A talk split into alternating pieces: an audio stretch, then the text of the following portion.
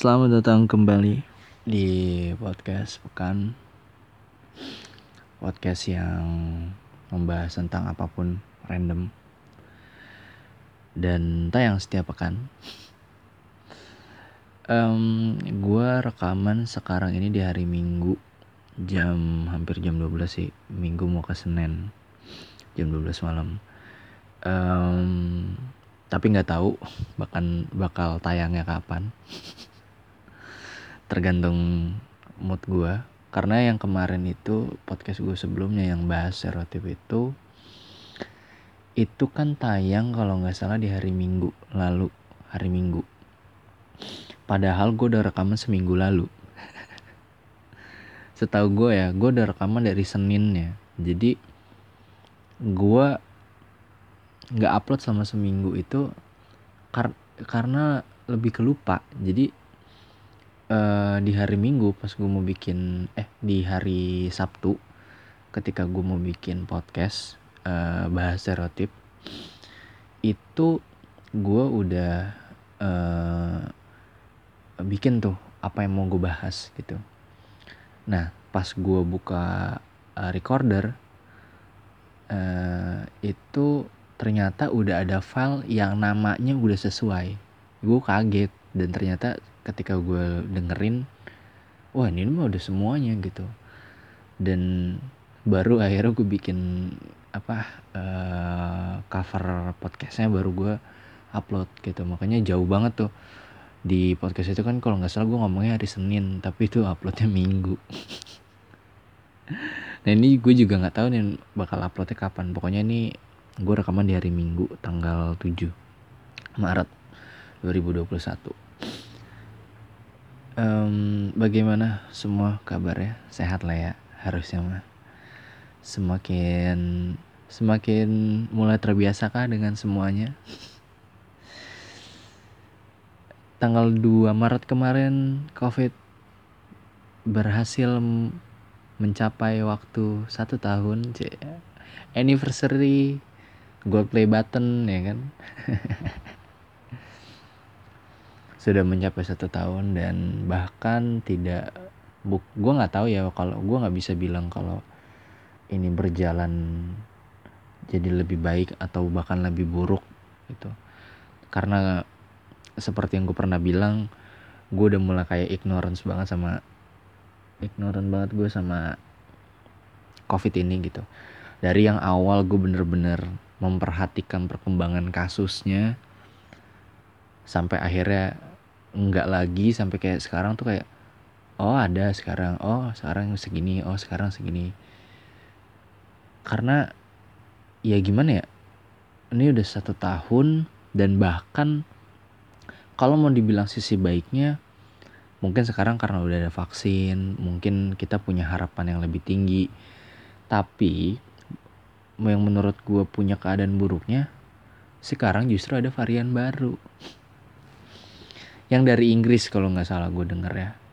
Dan gue kurang tahu sih gue nggak baca tentang bagaimana gejalanya apakah sama kayak covid segala macam. Bahkan uh, ini ini gue nggak tahu ya namanya apa. Waktu gue ini waktu gue awal-awal kan gue sempat baca gejala covid itu gimana awal-awal pandemi kemarin tahun kemarin. Itu kan kayak yang seperti lo tau lah uh, tenggorokan kering terus batuk batuk kering terus juga pilek bersin bersin terus kalau yang udah lanjut itu sampai ke tahap paru-parunya sakit. Bahkan setelah itu ada yang baru kan yang baru itu salah satu gue nggak tahu apakah ini baru atau mungkin gue baru tahu itu gejalanya ke uh, indera penciuman dan pengecap ya rasa itu lidah itu hilang uh, itu gue baru tahu um, mungkin beberapa bulan yang lalu lah karena itu mulai jadi masif tuh karena uh, kebetulan uh, ketika waktu itu gue ada sesuatu momen di mana gue lingkungan keluarga gue nih ya semua mungkin bisa dibilang itu uh, mengalami hal yang sama gitu. Dan bahkan bukan cuman gua temen-temen gua juga sama gitu. Bahkan um, di sosial media banyak yang bilang gitu dan akhirnya ternyata itu uh, muncul ke permukaan bahwa itu katanya gejala covid yang baru ya kan? Uh, bahkan akhirnya di pusat-pusat perbelanjaan itu sekarang tesnya nggak cuma pakai termogan. Setahu gue ya ada beberapa pusat perbelanjaan atau mungkin restoran gue nggak tahu itu juga yang tesnya pakai wewangian setahu gue ya gue gue sempat lihat di mana ya gue lupa. Jadi tesnya itu kayak di pihak securitynya itu selain lo dikasih termogan terus lo kayak disemprotin wangian entah parfum atau apa dan lo disuruh jawab itu wanginya apa gitu. Dan kalau lo nggak bisa jawab ini baunya apa maksudnya uh, lo nggak bisa mengidentifikasi katanya nggak boleh masuk karena itu bisa jadi salah satu gejalanya. Yang di mana itu semakin membuat gimana ya maksudnya itu udah varian yang lama banget. Menurut gue itu udah beberapa bulan yang lalu gitu kan. Sekarang ada lagi yang baru gitu yang gue nggak gue nggak gue kurang tahu gejalanya apa cuman setahu gue itu katanya varian dari Inggris gitu uh, apakah gejalanya sama atau enggak gue nggak ngerti gitu. Cuman maksudnya kalau misalnya di, mau dibilang baik ya mungkin karena masalah vaksinasi. Tapi kalau dibilang buruk ya hal-hal itu yang tadi gitu. Jadi gue nggak berani ngecap ini lebih baik atau lebih buruk gitu. Karena ya gimana gitu. Maksudnya ini kenyataan faktanya udah ada gitu loh. Dan bahkan di negeri di negara-negara lain setahu gue ya yang pernah gue baca atau gue pernah nonton di YouTube. Ya ada akhirnya setelah kasus nol uh, kasusnya nol di beberapa negara ada lagi muncul. Yang di mana kan kalau misal dipikirkan secara potensinya berarti uh, akan tetap ada potensi untuk muncul lagi gitu maksudnya. Jadi ya gue nggak ngerti sih gimana. Ya kita mengikuti aja lah gitu. Karena selama setahun si pandemi ini ada. Kita kan punya apa ya kebiasaan yang akhirnya berubah bergeser dan akhirnya sekarang tuh menjadi sebuah habit yang baru gitu. Kayak gue pernah bahas bahwa kemarin-kemarin itu bukan new normal tapi sesuatu yang berbeda aja gitu kan. Sekarang nih mungkin baru masuk ke tahap new normal nih menurut gue karena ya sekarang udah mulai apa ya udah ber, udah mulai berjalan normal semuanya gitu. Maksudnya sekarang banyak toko-toko yang udah pada buka pusat perbelanjaan restoran bahkan uh, apa ya uh, maksudnya udah mulai ada aktivitas yang seperti sebelum pandemi kalau menurut gue yang apa ya bisa dibilang walaupun tetap ada masalah protokol kesehatan dan segala macam tapi maksud gue lebih punya kebebasan. Dan sekarang juga bioskop juga udah mulai pada buka ya kan? Yang di mana uh, selama satu tahun ini ternyata banyak yang bergeser kan gitu kan. Kayak gue pernah bahas juga lah gitu. Kayak selama ini lu pikir ya sekolah kuliah itu kan atau ngantor lu harus banget datang ke tempatnya. Ternyata nggak juga tapi masih bisa walaupun nggak efektif. Dan akhirnya banyak orang berpikir gimana caranya biar tetap online tapi tetap efektif. Ya kan kayak gitu kan.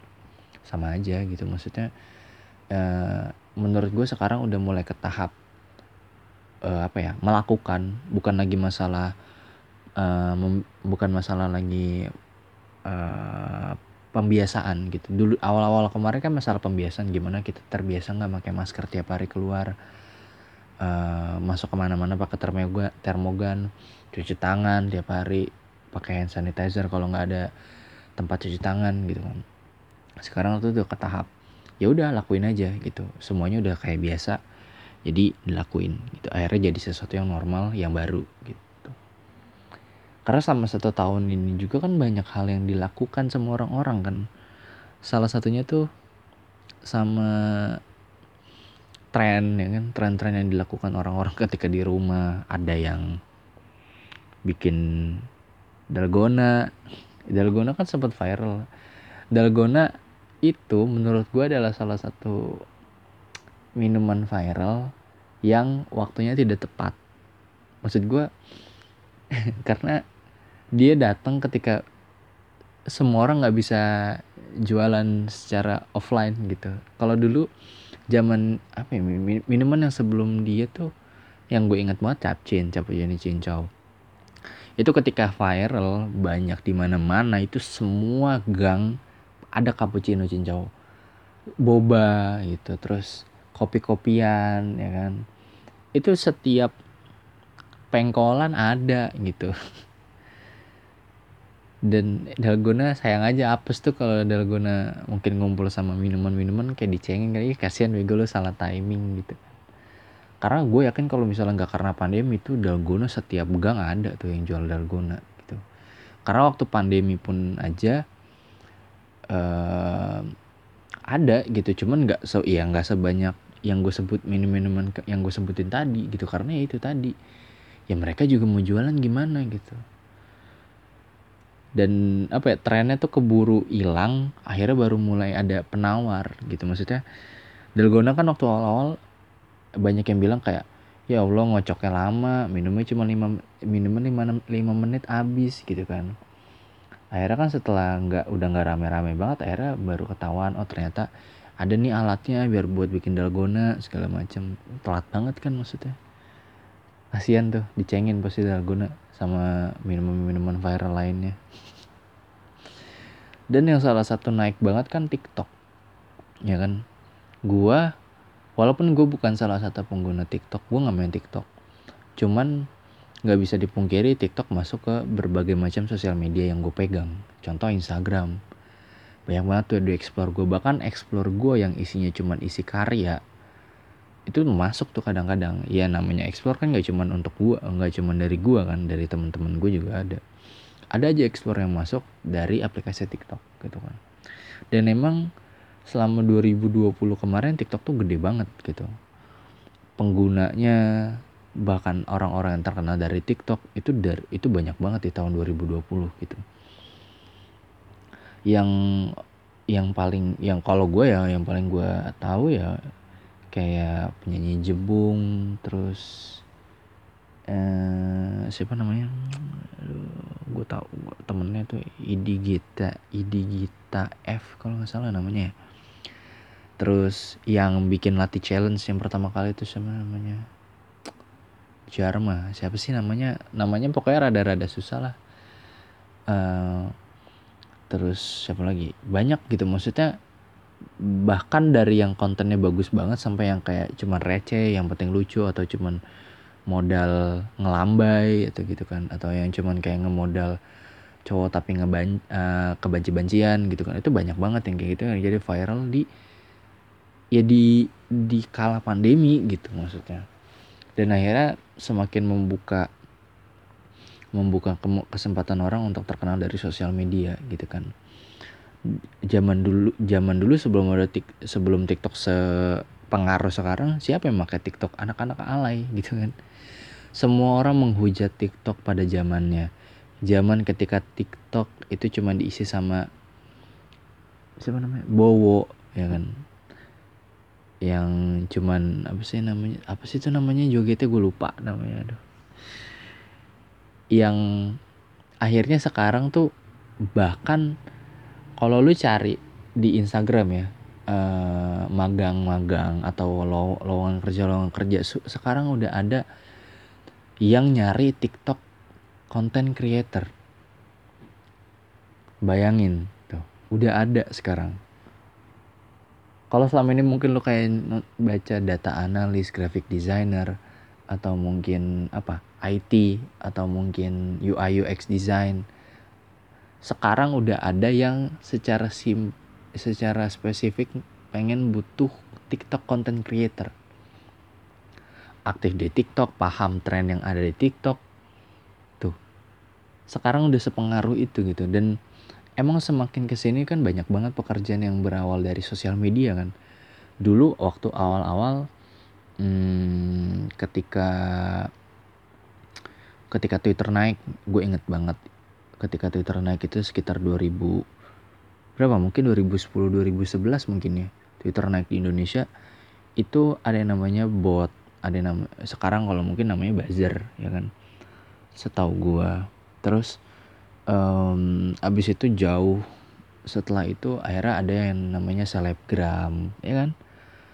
Terus ada yang namanya youtuber ya kan? Kalau sekarang baru muncul akhirnya tiktoker ya kan? Tik selebtok apa ya? Kalau nggak salah namanya selebtok setahu gue dan itu jadi pekerjaan ya kan? Gak usah jauh-jauh lu lu lihat um, sekarang itu orang yang tadinya tuh eh orang yang sekarang kerjanya tuh sebagai youtuber. Sekarang youtuber itu sudah punya sistem gitu mereka bener-bener kerja di YouTube bukan kayak dulu zaman zamannya siapa? Indo um, Chandra Leo mungkin zaman zaman dulu masih awal Indofit Indofitgram yang cuman kayak eh bikin video iseng aja ayo collab gitu segala macam. Sekarang collab sudah bayar. Ya kayak gue pernah nonton di YouTube siapa ya yang menjelaskan sekarang itu kalau lo mau collab ternyata untuk beberapa orang itu ada fee-nya gitu loh jadi kayak membuka lapangan pekerjaan baru gitu si sosmed ini gitu. Karena sekarang tuh kayak sosmed itu udah punya kubunya masing-masing gak sih? Ya, maksudnya gini lu udah bisa mengkotakan sosmed itu kegunaannya untuk apa? Per sosmed. Kalau gue sih ngerasa kayak gitu ya. Kayak contoh yang gue mainin aja sih.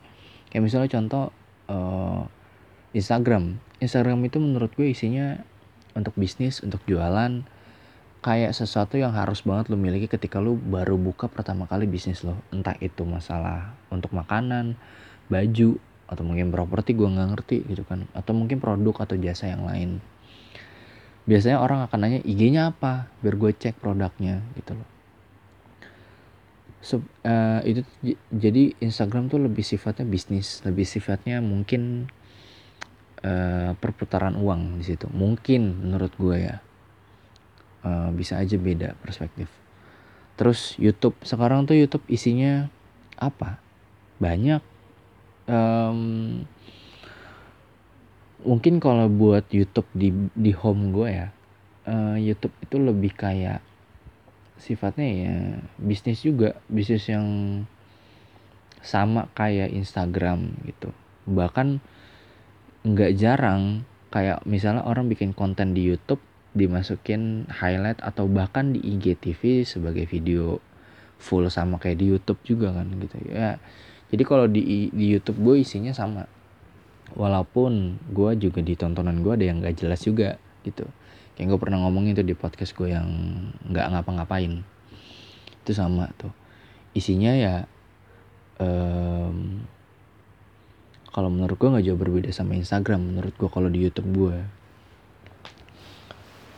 terus apalagi? Twitter. Twitter menurut gue isinya itu sekarang orang-orang yang apa ya? Kalau gue tuh ya terserah lah ya. Yang penting ini penilaian gue pribadi. Twitter menurut gue isinya adalah orang-orang yang mungkin ingin terkenal dengan cara yang apa ya? Nggak nggak nggak norak. Eh nggak norak tapi bukan yang nggak nggak Nora tapi Nora. Gimana sih ya jelasinnya? Maksudnya dari beberapa trending yang pernah atau eh, kasus yang viral di di Twitter pada saat kemarin-kemarin baru-baru ini itu tuh kalau gue lihat kayak apaan sih? gitu loh. Tapi nggak senora orang-orang yang viral mungkin dari TikTok atau mungkin dari YouTube atau mungkin dari Instagram. Nggak seaneh mereka tapi Twitter ada di tengah-tengah antara nggak norak sampai norak. Jadi di tengah-tengah menurut gue gitu. Ada yang dengan bikin tweet mungkin ada yang mungkin bikin um, settingan mungkin gitu. Contoh yang kemarin sempet rame itu masalah orang yang nipu kalau dia uh, pura-pura bilang kalau nyokapnya itu dagang nggak laku. Eh dagang eh dapat dagang kue tapi nggak dapat pesan tapi pesanannya di cancel sama yang pesan terus akhirnya udah udah bikin banyak terus rugi. Dan itu ternyata katanya bohong. Fotonya ngambil dari Google. Bahkan sampai ke tahap dia katanya udah sampai ke ngebagi-bagiin orang itu juga fotonya dari Google. Maksudnya menurut gue untuk ke tahap eh, nggak uh, noraknya ya uh, untuk untuk ke tahap nggak noraknya ya itu. Maksudnya mereka ngemikirin plotnya gitu. Tapi ke tahap norak itu maksudnya gila ya lu pengen segitu dapat uangnya pengen segitu dapat atensinya sampai ke tahap gitu noraknya. Paham gak sih maksudnya? Gue nggak ngerti gimana jelasinnya. Pokoknya maksud gue Twitter tuh udah di tengah-tengah gitu. Dan isinya orang marah-marah dan orang berantem menurut gue di Twitter tuh isinya gitu. Dan Facebook ya udah menjadi rahasia umum gue rasa Facebook itu isinya orang-orang tua. Dengan bercandaan mereka yang menurut mereka lucu. Dan gue yakin sih gue kalau tua bercandaan gue akan se se se se gimana ya menjelaskannya? Se se cringe itu. Karena ya gimana gitu. Maksudnya orang-orang tua yang bercanda entah itu di Facebook atau mungkin grup WhatsApp keluarga lu gitu mereka menganggap itu lucu gitu. Dan bahkan orang-orang yang seumuran mereka juga menganggapnya lucu. Cuman kan kalau kita karena punya referensi yang berbeda jadi dilihatnya apa sih? gitu loh. Ya kan tapi menurut gue menurut mereka lucu. Ya sama aja mungkin kayak lu ngelihat mungkin nih lu adalah sebagai orang yang suka musik indie lu ngeliat anak rock ih gila aneh banget nih orang. Tapi anak rock juga ngelihat lu sebagai orang yang suka lagu indie itu aneh gitu. Ya sama aja gitu. Mungkin orang tua orang tua lu ngelihat bercandaan lu kayak astagfirullah bercandaannya. Mungkin. Dan di Facebook kan kayak gitu kan. Maksudnya lu kalau kalau gua buka Facebook itu isi dari beranda gua itu udah nggak ada teman-teman gue yang bikin status. Udah kosong. Isinya cuman orang uh, karena gue gue ikut komunitas uh, komunitas kayak uh, desain gitu isinya ya mereka sama komunitas mainan. Karena gue waktu itu sempet adik banget sama mainan kan. Cuman gak kesampaian sampai ngoleksi. Jadi isinya itu doang. Yang di mana yang yang ngepost di situ ya orang-orang tua. Nggak banyak gitu. Atau setidaknya temen gua tapi yang memang sudah berkeluarga ya udah gitu. Maksudnya emang isinya kayak gitu di Facebook.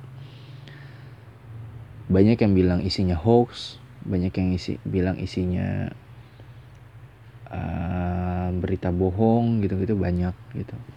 Facebook tuh sekarang kayak gitu TikTok menurut gue um, ya gimana ya gue mengkotakkan TikTok itu masih banyak sih. Maksudnya ada yang isinya memang orang yang kreatif isinya yang emang orang cari sensasi isinya orang gabut isinya orang nyari viral dengan cara tolol gitu. Dan yang mengedukasi juga ada gitu ada banyak gitu. Tapi ada juga yang nyampur tuh. Ada yang nyampur tuh maksudnya uh, misalnya kotaknya orang mengedukasi dicampur sama yang kayak menjijikan kayak Nora apaan sih lu? gitu. Itu juga ada gitu. Um, contohnya kemarin yang aduh gue lupa. Eh itu bukan di itu bukan di TikTok ding itu di YouTube. Uh, maksudnya kalau kalau TikTok gue belum bisa mengkotakkan gitu. Karena gue juga nggak main juga sih jadi gue nggak tahu gitu karena menurut gue sekarang sosmed sekarang itu metanya besar. Eh meta apa ya? Bahasannya. Kotaknya luas. Maksudnya untuk sosmed yang sekarang baru keluar ya bukan sosmed bukan sosmed secara keseluruhan sekarang. Kayak TikTok kan baru-baru ini muncul. Itu tuh kotaknya banyak. Jadi nggak cuma satu. Kalau yang tadi kan kayak Facebook gue sebutin isinya orang orang tua. Uh, Twitter isinya orang marah-marah orang berantem. Kalau TikTok tuh ada banyak gitu kotaknya ada banyak gitu. Padahal padahal zaman dulu ya sosmed itu digunakan untuk bersosialisasi aja udah gitu loh. Pada pada saat itu kan gitu doang kan sosmed. Kalau gue menggunakan sosmed itu dari dari awal 2011 eh enggak. Dari awal 2010 atau 2009 ya karena um, gue itu main Facebook di SD ya. Dan isinya gitu doang gitu. Orang cuman bikin status nggak penting kadang juga. Karena nggak semua orang bisa akses kan gitu. Uh, waktu itu Facebook pertama kali yang gue bikin. Dan gue lucunya adalah gue sampai ke tahap bikin Instagram kemarin gue nggak pernah bikin sosial media gue akunnya itu sendiri pasti dibikinin orang. Berawal dari ya Facebook ini. Facebook gue gue dibikinin teman gue gue lagi main warnet. Waktu itu gue lagi main point blank kalau lo tahu. Terus waktunya sisa dikit. Terus karena gue ngeliat teman-teman gue udah pada punya Facebook akhirnya gue minta tolong bikinin Facebook sama teman gue dengan sisa waktu yang gue punya gitu. Ya udah gue main gue diajarin. Dulu tuh isinya apa Facebook? Kalau cowok isinya kalau nggak foto-foto game entah dia jadi top leader di point blank kill banyak ya kan? Atau apa lo beli senjata baru? Lu punya apa kalau dulu tuh skin ya? Enggak enggak skin sih. Kalau di Losaga tuh apa namanya? Gue nggak main Losaga sih. Itu kayak gitu gitu maksudnya. Isinya game. Kalau cewek isinya foto-fotonya dia mungkin atau dia main game gitu dan game dan dulu kan di Facebook ada game kan kalau di Facebook tuh kalau cowok-cowok mainnya Ninja Saga poker ya kan. Kalau cewek mungkin mainnya lebih ke apa yang cewek gua? Yang masak-masak mungkin. Ah aduh gue lupa yang kafe-kafe itu loh. Kayak ya itulah maksudnya ya isinya gitu doang sama orang ngobrol. Gue tuh dulu kalau buka Facebook sisa billing gue lihat siapa yang online kalau ada yang gue kenal gue chat. Gitu doang udah. Gak ada yang spesifik gue lakukan gitu. Nggak ada tuh isinya gue kayak mungkin bikin quotes. Eh ada sih kalau quotes. Bikin gue gue dulu bikin quotes itu dari ini kata-kata mutiara di kamus bahasa Inggris. Jijik banget kalau gue inget-inget deh. Ngapain ya jadi gue ngeliat di kamus bahasa Inggris mana yang menurut gue bagus gue gue itu gue bikin status itu di di Facebook. Dan dulu ya udah gitu untuk bersosialisasi aja itu Facebook tuh. Gue nggak pernah gue gunakan untuk yang lain. Karena dulu apa ya atau habis itu kan pindah gue ketika masuk SMP karena temen-temen gue banyak yang main Twitter gue di gue minta bikinin lah Twitter sama temen gue gue main lah Twitter. Ya. Ya uh, tapi Twitter pada saat itu gue main isinya rata-rata anak-anak muda. Ya kan? Uh, Twitter di awal-awal sekitar mungkin tahun 2011 2000, 2012 itu isinya anak-anak muda karena menurut gue pertama uh, Twitter itu isinya lebih apa ya complicated mungkin. Cara mainnya dulu tuh agak sedikit beda. Terus udah gitu nggak mungkin nggak semua orang tahu mungkin gitu. Jadi beda aja gitu isinya. Maksudnya belum ada tuh isinya bapak-bapak tuh belum ada tuh dulu. Zaman zaman Twitter dulu tuh. Karena zaman dulu aja cara orang bersosialisasi di Twitter itu dengan nge-retweet manual. Lu gitu gak sih? Maksudnya misalnya ada temen lu nih bikin tweet. Entah misalnya kayak uh, galau misalnya gitu. Atau biasanya dulu apa sih? Ya contoh lah misalnya dia lagi nge-tweet apa. Terus lu pengen ngobrol sama dia dengan cara lu kutip tweetnya. Terus lu bikin RT bar RT eh, lu bikin Eh, kata-kata uh, balasan lo terus terakhirnya ditambahin RT RT caps lock itu manual. Gue gue dulu ngalamin itu tuh. Kalau nggak gue quote tweetnya terus gue bales apa yang mau gue bales. Setelah quote uh, apa uh, apa setelah quote-nya dia quote obrolannya dia quote tweetnya dia se sengejelimet itu maksud gue zaman dulu tuh. Mungkin orang-orang tua kayak ngeliatnya apaan sih nih maksudnya? gitu. Gue bahkan waktu gue main pertama kali juga sama gitu. Ini mainnya gimana sih? gitu. Padahal ada yang langsung reply gitu. Tapi orang tuh lebih seneng kayak gitu dulu karena kelihatannya kayak obrolan banyak aja kali ya. Gue ngerasa gitu tuh kalau gue udah sama dia ngobrol udah lumayan banyak tuh kan uh, eh, RT-nya tuh makin penuh. Padahal gue mungkin cuma ngebales hahaha gitu atau oke okay, gitu atau mungkin iya atau mungkin ya udah. Tapi jadi panjang banget karena obrolan gue sebelum sebelumnya gitu loh. Dan padahal dulu Twitter obrolan dibatasin kan. Setahu gue dulu berapa karakter? 200 apa 300 karakter? Zaman dulu tuh. Gue nggak tahu kalau sekarang karena gue nggak gue udah jarang banget bikin tweet walaupun gue juga main Twitter masih. Zaman dulu tuh gitu. Uh, bahkan uh, pada saat pada zaman dulu itu Twitter itu isinya untuk pertama kali ada orang yang terkenal dari Twitter ya kan kayak Arif Pocong, Arif Muhammad itu setahu gue dia dari dari Twitter deh, setahu gue ya. Terus gue kenal Raditya Dika tuh dari Twitter, bahkan gue tahu stand up itu dari Twitter. Karena Twitter itu pada saat itu ya lumayan gede untuk masa-masa orang mil orang-orang muda gitu loh.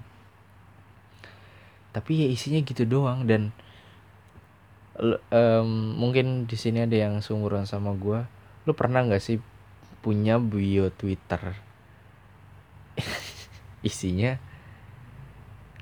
kesukaan lu atau lu melabeli diri lu apa dulu tuh gue temen-temen gue ketika gue liat bionya tuh banyak banget yang kayak misalnya gini. Elf. Elf itu kan setahu gue fansnya Super Junior Everlasting Friend. Um, kalau setahu Blackjack itu duet 21 kalau nggak salah deh setahu gue ya. Ada yang kayak gitu terus ada yang ada yang misalnya uh, nulis directioner karena dulu Wandi lagi gede-gedenya kan tuh di di kancah musik gitu. One dia jadi tulisannya directioner terus nanti artis yang dia suka misalnya kayak siapa? Zain Malik gitu kan. Sama biasanya ala-ala sosokan locationnya tuh koordinat ya kan? Ih jijik banget kalau gue inget. Bahkan kalau lu kalau misalnya lu punya pacar siapa di sini yang kalau lu punya lu punya cewek atau punya cowok nama di bio lu lu gabungin nama lu sama nama dia. Misalnya nama lu Bayu nama cewek lu Intan jadi kayak Inbay. Gue juga dulu gitu sama kita. Kalau anda melakukan hal itu saya juga sama. Saya merasakan. Jadi gue zaman jadi set um, gue itu main Twitter itu gue berhenti itu mungkin di tahun 2015 2016 mungkin. Gue udah nggak main Twitter. Maksudnya bukan nggak main. Uh, gue tidak mengaktifkan Twitter gue tapi Twitter gue tidak pernah gue hapus. Dan akhirnya gue balik lagi di tahun 2020 kemarin gue coba untuk main lagi. Itu kan otomatis bio gue masih yang dulu kan. Itu gue ngeliatnya kayak anjing gue ngapain dulu? Ih alay banget terus gue hapus semua jijik banget. Tapi pada zaman itu keren kan? Zaman itu keren banget. Lu lu punya lu punya pacar ya kan? Lu gabungin namanya. Atau lu abis itu lu kasih kayak tanda pemisah terus abis itu lu kasih tanggal lu ya kan? Tanggal terus tanggal jadian terus love gitu kan kalau di kalau di Facebook zaman dulu berpacaran oleh ya kan? Terus ada statusnya tuh misalnya lu berpacaran sama siapa atau mungkin lu kayak uh, hubungan tanpa status dengan siapa itu ada kan setahu gue dah. Terus ada yang kayak berhubungan terus status hubungannya rumit.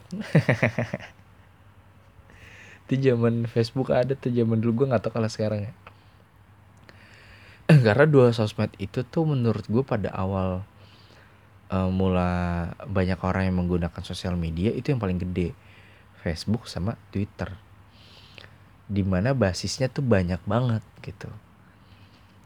Uh, cuman emang dari dulu mungkin karena Facebook mungkin diperuntukannya untuk orang-orang yang lebih sifatnya eh, orang-orang kantoran segala macam ya image-nya mungkin untuk orang-orang tua. Akhirnya kalau sekarang tuh ya sisanya orang tua doang udah nggak ada anak mudanya gitu.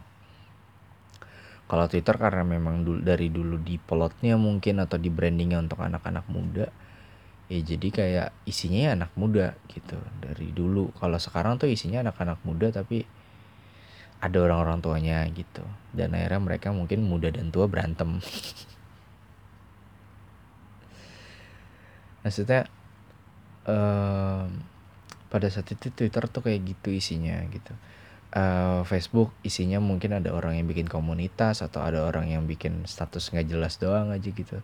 Kalau di Twitter isinya orang ngobrol atau orang cuma bikin tweet udah gitu. Tapi isinya keresahan anak muda gitu. Kayak uh, pada zaman itu menurut gua yang paling banyak orang follow itu ya kalau nggak Raditya Dika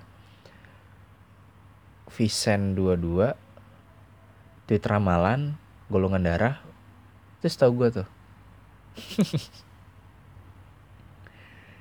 Zaman dulu itu doang itu itu tuh kalau kayak tidak ada tiap hari tanpa ketika gue buka Twitter itu nggak ada orang yang nge-retweet uh, akun-akun Twitter yang gue sebutin tadi.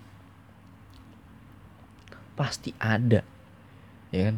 Reddit Raditya Dika dengan percintaan Vincent 22 dengan muka yang ditutupin bola basket dan tweet dia juga yang masalah percintaan.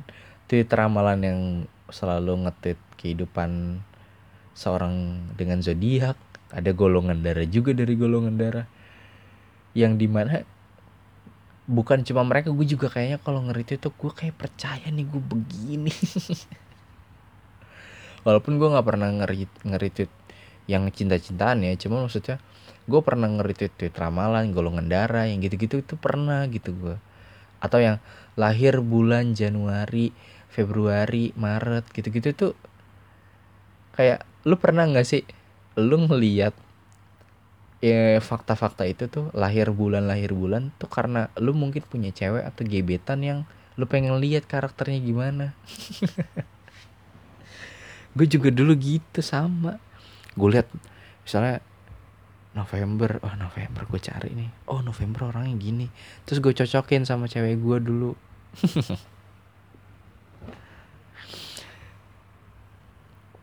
Betapa bodohnya orang-orang zaman dulu termasuk gue ya sekarang pun masih banyak orang yang goblok sih gitu. Cuman eh uh, bahkan kalau di twitter gue ya kalau twitter gue kan gue gue nggak gue jarang nge-tweet. Di Facebook juga sama gue juga nggak nggak pernah bikin status setelah gue balik lagi gitu. Setelah hiatus cie hiatus. Apa? Hibernasi. Gue nggak pernah bikin status atau gimana gimana. Jadi masih ada tweet tweet, tweet gue yang 5 6 tahun lalu status gue yang 7 tahun lalu itu masih ada. Dan gue tuh kalau ngelihat anjing otak gue pernah sealai ini. Tapi tapi kan itu itu tanda lu bertumbuh ya. Ketika lu udah ngerasa diri lu norak lu lu ngelihat ngelihat cerminan lu terus lu ngeliat lu norak berarti kan lu bertumbuh dewasa kan? Tapi kayak anjing gue pernah setolol ini gitu dalam dalam ngobrol dalam ngetik dalam bersikap gitu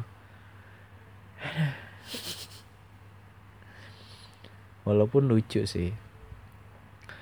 Kalau gue tuh sekarang untuk menggunakan dua sosmed itu tadi itu Facebook sama Twitter itu lebih ke untuk ya mungkin nostalgia atau mungkin masalah gue lihat sesuatu yang lagi ada bermasalah. Karena kan masalah terutama di Twitter masalah yang sekarang muncul entah itu orang bikin tweet atau mungkin trending itu yang masalah yang nggak mungkin akan ke up ke permukaan secara besar. Ya nggak sih? Lo ngerasa gitu nggak kayak ada mungkin kalau untuk dia juga public figure atau mungkin dia orang yang kerja di entertain mungkin muncul akan muncul di media. Tapi kan kalau misalnya kayak ada orang kasus penjahat kelamin ada orang yang toxic relationship atau mungkin ada yang punya orang tua toxic gitu itu nggak akan muncul ke media kan maksudnya. Ya gue tuh pakainya buat gituan doang tuh gue pengen baca sesuatu. Karena trending Twitter tuh aneh banget trending Twitter sekarang tuh aneh ya nggak sih lu ngerasa nggak sih gue sih ngerasa aduh yang lu cek aja deh trending Twitter pasti ada yang kayak Aduh, ya pokoknya aneh lah trending Twitter sekarang tuh. Gue nggak ngerti gimana bisa naik banget gitu. Walaupun algoritma Twitter gue rasa dari dulu sampai sekarang masih sama berdasarkan yang paling banyak di tweet keyword itu akan muncul paling atas. Itu menurut gue nggak nggak jauh berbeda dari dulu sampai sekarang. Terus uh, setelah dua sosmed itu kan gue main YouTube. Gue nonton YouTube isinya. Uh, ketika gue buka YouTube itu berbarengan juga ketika gue sama kayak main ASFM cuman ASFM tuh menurut gue nggak terlalu banyak gimana gimana gitu. Maksudnya ASFM mungkin besar tapi gue nggak menggunakan ASFM se intens itu sehingga gue nggak terlalu ngerasa punya ya, ASFM itu impact dalam pengalaman gue bersosial media gitu. Karena isinya ya gue ngejawabin pertanyaan teman-teman teman gue doang atau pertanyaan harian yang dikasih sama ASFM ke gue jadi gue nggak ngerasa punya ikatan yang gimana gimana gitu sama ASFM tapi YouTube itu gue nonton gue gue ngikutin banget. Gue mungkin menjadi salah satu orang yang ada di komunitasnya ada di ekosistemnya gitu. YouTube zaman dulu. Gue main YouTube itu mungkin di awal SMA di awal di sekitar tahun 2014 2015 itu gue udah, udah main YouTube. Ya YouTube pada saat itu ya isinya orang-orang yang eh apa ya iya orang yang cuma pengen mengekspresikan dirinya aja gitu pengen gue pengen gue lagi ngapain gue dilihat orang lain. Makanya kan dulu tagline-nya broadcast yourself. Walaupun gue udah main YouTube itu dari bahkan uh, gue gue gue main YouTube dari 2000 kalau dibilang mainnya yang gue bukanya itu dari lama dari 2009an mungkin atau mungkin eh 2010 2011 itu. Pokoknya gue udah mulai buka YouTube semenjak ada Norman Kamaru, Sintan Jojo, Udin Sedunia, uh, Smash, Cherry Bell, Seven Icon, Blink, Super Nine Boys itu. Pokoknya zaman zaman boy band naik tuh ya kan? Cowboy Junior ya kan? Itu gue gue udah udah main. Cuman yang bener-bener kayak gue nonton ngabisin waktu buat main YouTube itu pas gue masuk SMA ya isinya zaman zaman itu ya karena mungkin udah ngeliat uh, orang-orang yang udah terkenal gitu. Orang-orang kayak Norman Kamaru Brito Norman Cinta Jojo terus Udin Sedunia yang muncul dari YouTube terus akhirnya muncul dibikinin lagu sama uh, label akhirnya muncul di TV mungkin akhirnya banyak orang yang kayak uh, eh kayaknya gue bisa juga nih dikenal sama orang lain lewat YouTube ya udah akhirnya banyak orang-orang yang muncul. Untuk pertama kalinya muncul orang-orang biasa yang lu bisa tonton gitu. Itu di YouTube kan pertama kali. Jadi YouTube dulu tuh kayak ya udah orang orang lebih ya walaupun ini agak sedikit basi sih maksudnya orang-orang zaman dulu tuh lebih kayak mikirin gue pengen bikin apa ya gitu. Atau kayak ya udah gue nggak mikirin apa apa gue upload aja deh gitu atau mereka mikirin konsepnya supaya ih gue pengen orang yang ngeliat tuh seneng. Ada ada yang mungkin terhibur dan segala macam gitu. Zaman dulu kan gitu doang kan maksudnya walaupun mungkin skill mereka masih tahap awal gitu. Kayak lo kalau lihat video orang-orang zaman dulu tuh yang youtuber sekarang yang udah tua youtuber-youtuber yang dikatakan senior zaman dulu tuh masih kayak iya apaan sih? gitu kalau lihat lagi sekarang tapi pada saat itu ketika lo nonton lu ngerasa seneng banget gitu kan. Gue ngerasa seneng gitu kayak nggak usah jauh-jauh. Ketika gue dulu nontonin Reja Arab tuh ya Reja Arab main game. Game yang dia mainin tuh bukan game-game triple A bukan game-game yang kompetitif game kayak mungkin Counter Strike Point Blank atau Dota gitu-gitu atau mungkin game-game yang storyline heavy gitu heavy story gitu kayak mungkin Metal Gear, Metal Gear Solid atau mungkin Resident Evil. Dia mainin game-game receh game-game remeh tapi orang terhibur gitu. Ya kan? Gitu dong yang dimainin apa? Cat Mario. Dulu zaman zaman dulu gue inget banget dia main Misao main IT eh IT IB IB terus yang lain lagi lah ada banyak gitu gue terhibur dengan dia main. Padahal cuma dia main game doang dengan yang bukan bukan game yang bagus juga gitu loh maksudnya.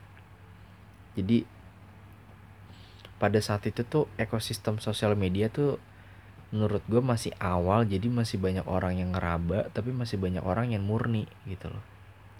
Menurut gue gitu. Kalau sekarang kan ya lu lihat aja lah gitu. Gue nggak usah jelasin kayaknya semuanya. Kayak makanya tuh gue kalau kalau misalnya gue ya kalau gue pribadi gue tuh kalau buka sosmed yang udah pernah gue mainin dari dulu gue nggak akan pernah banyak bikin status atau ya bikin status lah ibaratnya. Karena gue cuma pengen ngejaga supaya gue masih masih bisa ngelihat obrolan gue dulu tuh kayak gimana sih gitu loh. Gue tuh sekedar untuk itu aja. Gue nggak yang pengen gimana gimana di sosmed itu uh, kecuali untuk di Instagram. Kalau Instagram kan memang gue fokusin untuk gue bikin karya untuk portofolio gue juga gitu. Sisanya sama gue nggak pernah mau ngubah atau apa pun gitu di situ. Uh, jadi lebih ke apa ya gue lebih mengasumsikan kalau sosmed dulu tuh ya kotaknya ibaratnya sama ngeblur nyatu. Maksudnya sama-sama isinya orang bersosialisasi orang ngobrol orang ngobrol nggak jelas di situ ya mereka bebas untuk ngomongin apa pun. Uh, tapi cuma beda segmentasi pasar dari umur dan kelamin mungkin. Tapi kalau sekarang tuh kotaknya udah bener-bener kotak sendiri masing-masing gitu. Dan punya cabangnya sendiri-sendiri tapi beda semua gitu. Menurut gue tuh gitu sekarang. Karena kan kalau sekarang lebih kayak air yang kayak gue tadi bahas di awal sekarang sosial media sudah menciptakan lapangan pekerjaan. Akhirnya setiap sosial media ini kayak ya punya algoritma masing-masing. Akhirnya uh, apa namanya akhirnya punya kotaknya sendiri-sendiri gitu. Punya segmentasi yang lebih detail yang lebih spesifik gitu kan.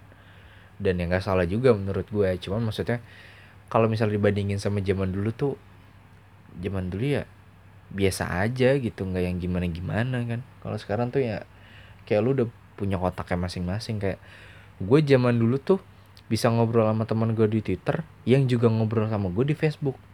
Zaman sekarang gue jarang banget gue ngobrol sama temen gue yang ada di, di Twitter sama di Instagram. Karena pertama gue udah gue udah ngobrol di situ ngapain gue pindah lagi? Eh ngapain gue di dua tempat gitu maksudnya. Atau mungkin gue juga kayak nggak temenan temen gue beda di Instagram sama di situ atau uh, persona gue di di setiap sosial media gue beda. Kan ada juga yang kayak gitu kan? Ada yang kayak gitu. Ya kan? Ada yang emang karena di Instagram isinya buat bisnisnya dia mungkin buat dia punya bisnis atau dia mungkin endorsement dia mungkin di situ lebih formal ketimbang dia di Twitter yang isinya marah-marah ya kan? Kalau sekarang kan gitu. Kalau dulu sama aja gitu nggak ada nggak ada bedanya gitu loh. Jadi isinya nggak jauh beda gitu. Karena zaman dulu tuh isinya masih bodoh ya lu bayangin ngapain lu pacaran naruh di bio Twitter tuh gabungan nama lu terus ah, Allah Akbar itu alay banget gitu. Digabung gitu. Mending kalau kalau misalnya nama lu sama nama dia kalau digabung jadi enak. Kalau nggak enak kan gimana gitu. Tapi lu tetap pakai gitu. Ya gitulah zaman dulu sosial media kan. Beda banget kan sama sekarang gitu. Sekarang sosial media itu ya untuk bersosialisasi yang bener-bener lu lakukan juga di dunia nyata gitu. Kalau dulu tuh enggak ya cuma sekedar ngobrol aja sekarang semuanya dilakukan di sosial media yang sama gitu. Orang jualan di offline kan lu udah sering. Sekarang di online ada juga orang jualan. Orang berantem. Zaman dulu yang lu lihat cuma orang berantem ya kata-kataan tetangga sama tetangga atau mungkin pukul-pukulan. Sekarang orang berantem di kolom komentar ya kan? Udah ke bawah semua tuh. Atau mungkin kayak orang uh, apa lagi ya? Maksudnya orang orang pacaran dari dulu udah ada. Ah maksudnya semuanya tuh udah benar-benar bisa dibawa ke tahap sosial media kalau sekarang. Kalau dulu nggak menurut gua. Tapi kalau sekarang udah bisa ditarik semuanya gitu. Ke sosial media gitu loh. Ya kayak meeting udah bisa lewat uh, online kayak lewat Zoom sama Google Meeting kan. Dulu mana bisa gitu. Dulu ya tetap aja orang orang tuh menggunakan sosial media zaman dulu tuh ya untuk sekedar kayak lu make SMS sama telepon gitu loh. Nggak jauh berbeda cuma bedanya lu di situ mungkin bisa lebih fleksibel dalam ngirim foto gitu-gitu kan. Kalau sekarang tuh sosial media digunakan untuk komplement eh, substitusi eh, kehidupan nyata lo gitu.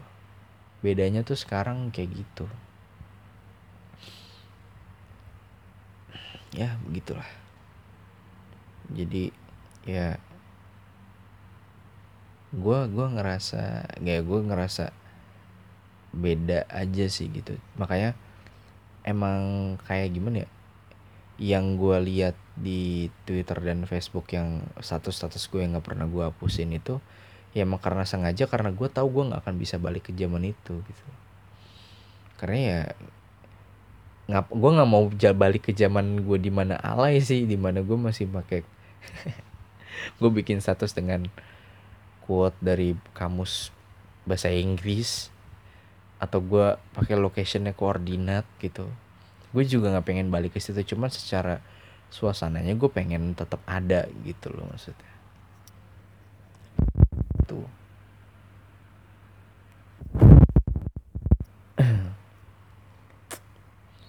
Tapi ya nggak bisa lu ubah juga sih perubahan menurut gue ya akan tetap kayak gini terus dan akan terus ada sosial sosial media yang lain yang baru yang muncul kan. Sekarang udah ada clubhouse dan gue yakin kalau nanti udah ada di android akan wah rame banget pasti clubhouse itu isinya. Dan gak cuma masalah orang sharing. Percaya sama gue clubhouse ketika nanti udah masuk dan semua orang bisa akses isinya akan random aneh banget. Terus apalagi? Kayak discord aja sekarang udah isinya nggak cuman orang dulu tuh Discord menurut gue untuk orang main game udah itu doang sekarang bisa untuk yang lain juga gitu kan. Udah beda lah gitu maksudnya lu akan selalu uh, semakin ke depan lu akan menemukan hal-hal yang baru di sosial media. Entah itu sosial media yang baru namanya atau secara bentuk ekosistemnya cara lu bersosialisasinya juga baru gitu kan. Tapi kalau gue gue masih menikmati zaman dulu gue sih yang alay itu dan mungkin lu juga masih alay. Gue nggak tahu kabarnya. Tit Ramalan golongan darah Vincent dua dua setahu gue masih ada. Raditya Dika setahu gue udah mulai nggak main Twitter. Tapi gimana kabar mereka dan bagaimana kabar adminnya sekarang ya? Sama satu lagi gue inget banget dulu ada akun Twitter namanya kalau nggak salah ya presiden keji. Tapi dia tuh bikin profile picture-nya itu kotak uh, muka orang tapi kotak gitu aneh. Dan dia tuh kalau nge-tweet itu kata-katanya biasa sebenarnya tapi cara typingnya beda. Gue nggak tahu sekarang masih ada atau enggak tapi kalau kalau lu tahu ya kalau lu tahu dulu gimana tuh itu gue inget banget gitu sama dia gitu. Dan itu kayak untuk kaum kaum anti mainstream tuh yang ngeritit dia tuh karena teman-teman gue yang aneh teman-teman gue pikirannya agak beda sama teman-teman gue yang lain itu ngerititnya dia. Jadi kalau lu masih tahu mungkin lu bisa ngomong kasih tahu juga ke gue apakah dia masih ada? Gue nggak tahu sih dia masih ada apa enggak di twitter. Presiden keji kejinya juga nggak tulisannya bukan keji k e j i ya. Tapi seingat gue q y d j y. Keji jadi gitu. Nah itu coba deh gue gak tahu tuh dia masih ada apa enggak karena gue pernah sempet nyari tapi nggak nemu. Sama zaman dulu itu juga ada akun-akun Twitter yang aneh banget. Kayak uh, kipas angin musola terus galon kantor. Jadi isinya dia nge-tweet bersuara kipas angin. Blubuk blubuk suara gelembung galon. Udah gitu doang gue nggak tahu kalau sekarang apakah dia masih ada atau udah digebukin sama orang karena tahu itu nggak jelas. Zaman dulu ada yang kayak gitu tuh di twitter. Yang sosial media yang tidak gue sebutkan zaman dulu karena gue tidak memainkan. Kayak contoh pet pet gue nggak main. Sebenarnya gue main gue dibikinin sama uh, mantan gue zaman dulu karena supaya gue bisa di tag. Karena gue tuh dulu seenggak seenggak peduli gitu sama sosmed gitu. Saya gue pernah dicengin sama teman-teman gue gara-gara gue nggak punya pet. Karena setiap gue nongkrong sama teman-teman SMA gue misalnya gue lagi nongkrong di rumah makan apa atau gue lagi nongkrong di mana di temen rumah temen gue atau lagi nonton film apa di bioskop. Semua temen gue di satu uh, di satu postingan pet itu ada semua teman-teman gue di tag gue doang yang nggak ada. Tulisannya tuh n nama gue dia nggak bisa diketik. Jadi gue sering banget diledekin gitu. Uh, bikin kayak gitu loh. Uh, ininya bikin pet gitu maksudnya. Gue nggak pernah mau gitu. Karena menurut gue buat apa? Buat apa gue membagikan kegiatan keseharian gue nggak penting gitu.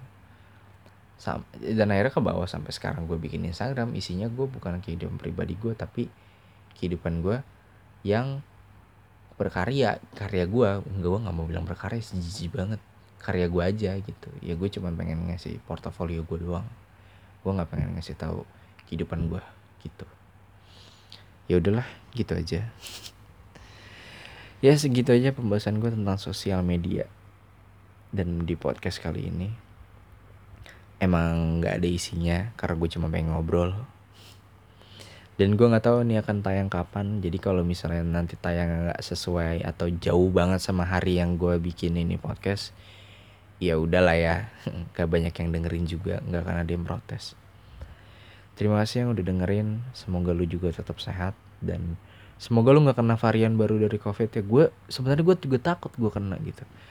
Walaupun kata teman-teman gue gue termasuk penyintas maksudnya gue udah pernah kena walaupun gue nggak walaupun mungkin gue bisa dibilang OTG tapi gue tetap takut kena yang itu. Makanya gue tuh sekarang agak sedikit mulai kayak awal-awal pandemi tuh gue gue udah mulai jarang keluar lagi. Alat makan gue juga masih bisa sampai sekarang sih. Dari dari awal sampai sekarang. Terus gue juga kayak bener-bener ke mana-mana pakai masker. Padahal gue sering banget diledekin sama orang-orang sekitar gitu kayak lu ngapain masih pakai masker sih? gitu. Gila lu cuman ke warung pakai masker kayak gitu-gitu. Maksudnya ya emang kenapa gitu? Cuman kayak udah jadi hal yang beda mungkin gitu menurut mereka. Tapi gue mulai takut lagi karena variannya udah mulai banyak gitu. Kayak Indomie anjing variannya banyak banget. Heran padahal nih penyakit. Cuma banyak banyak lah pusing milihnya. Yaudah terima kasih yang udah dengerin. Dah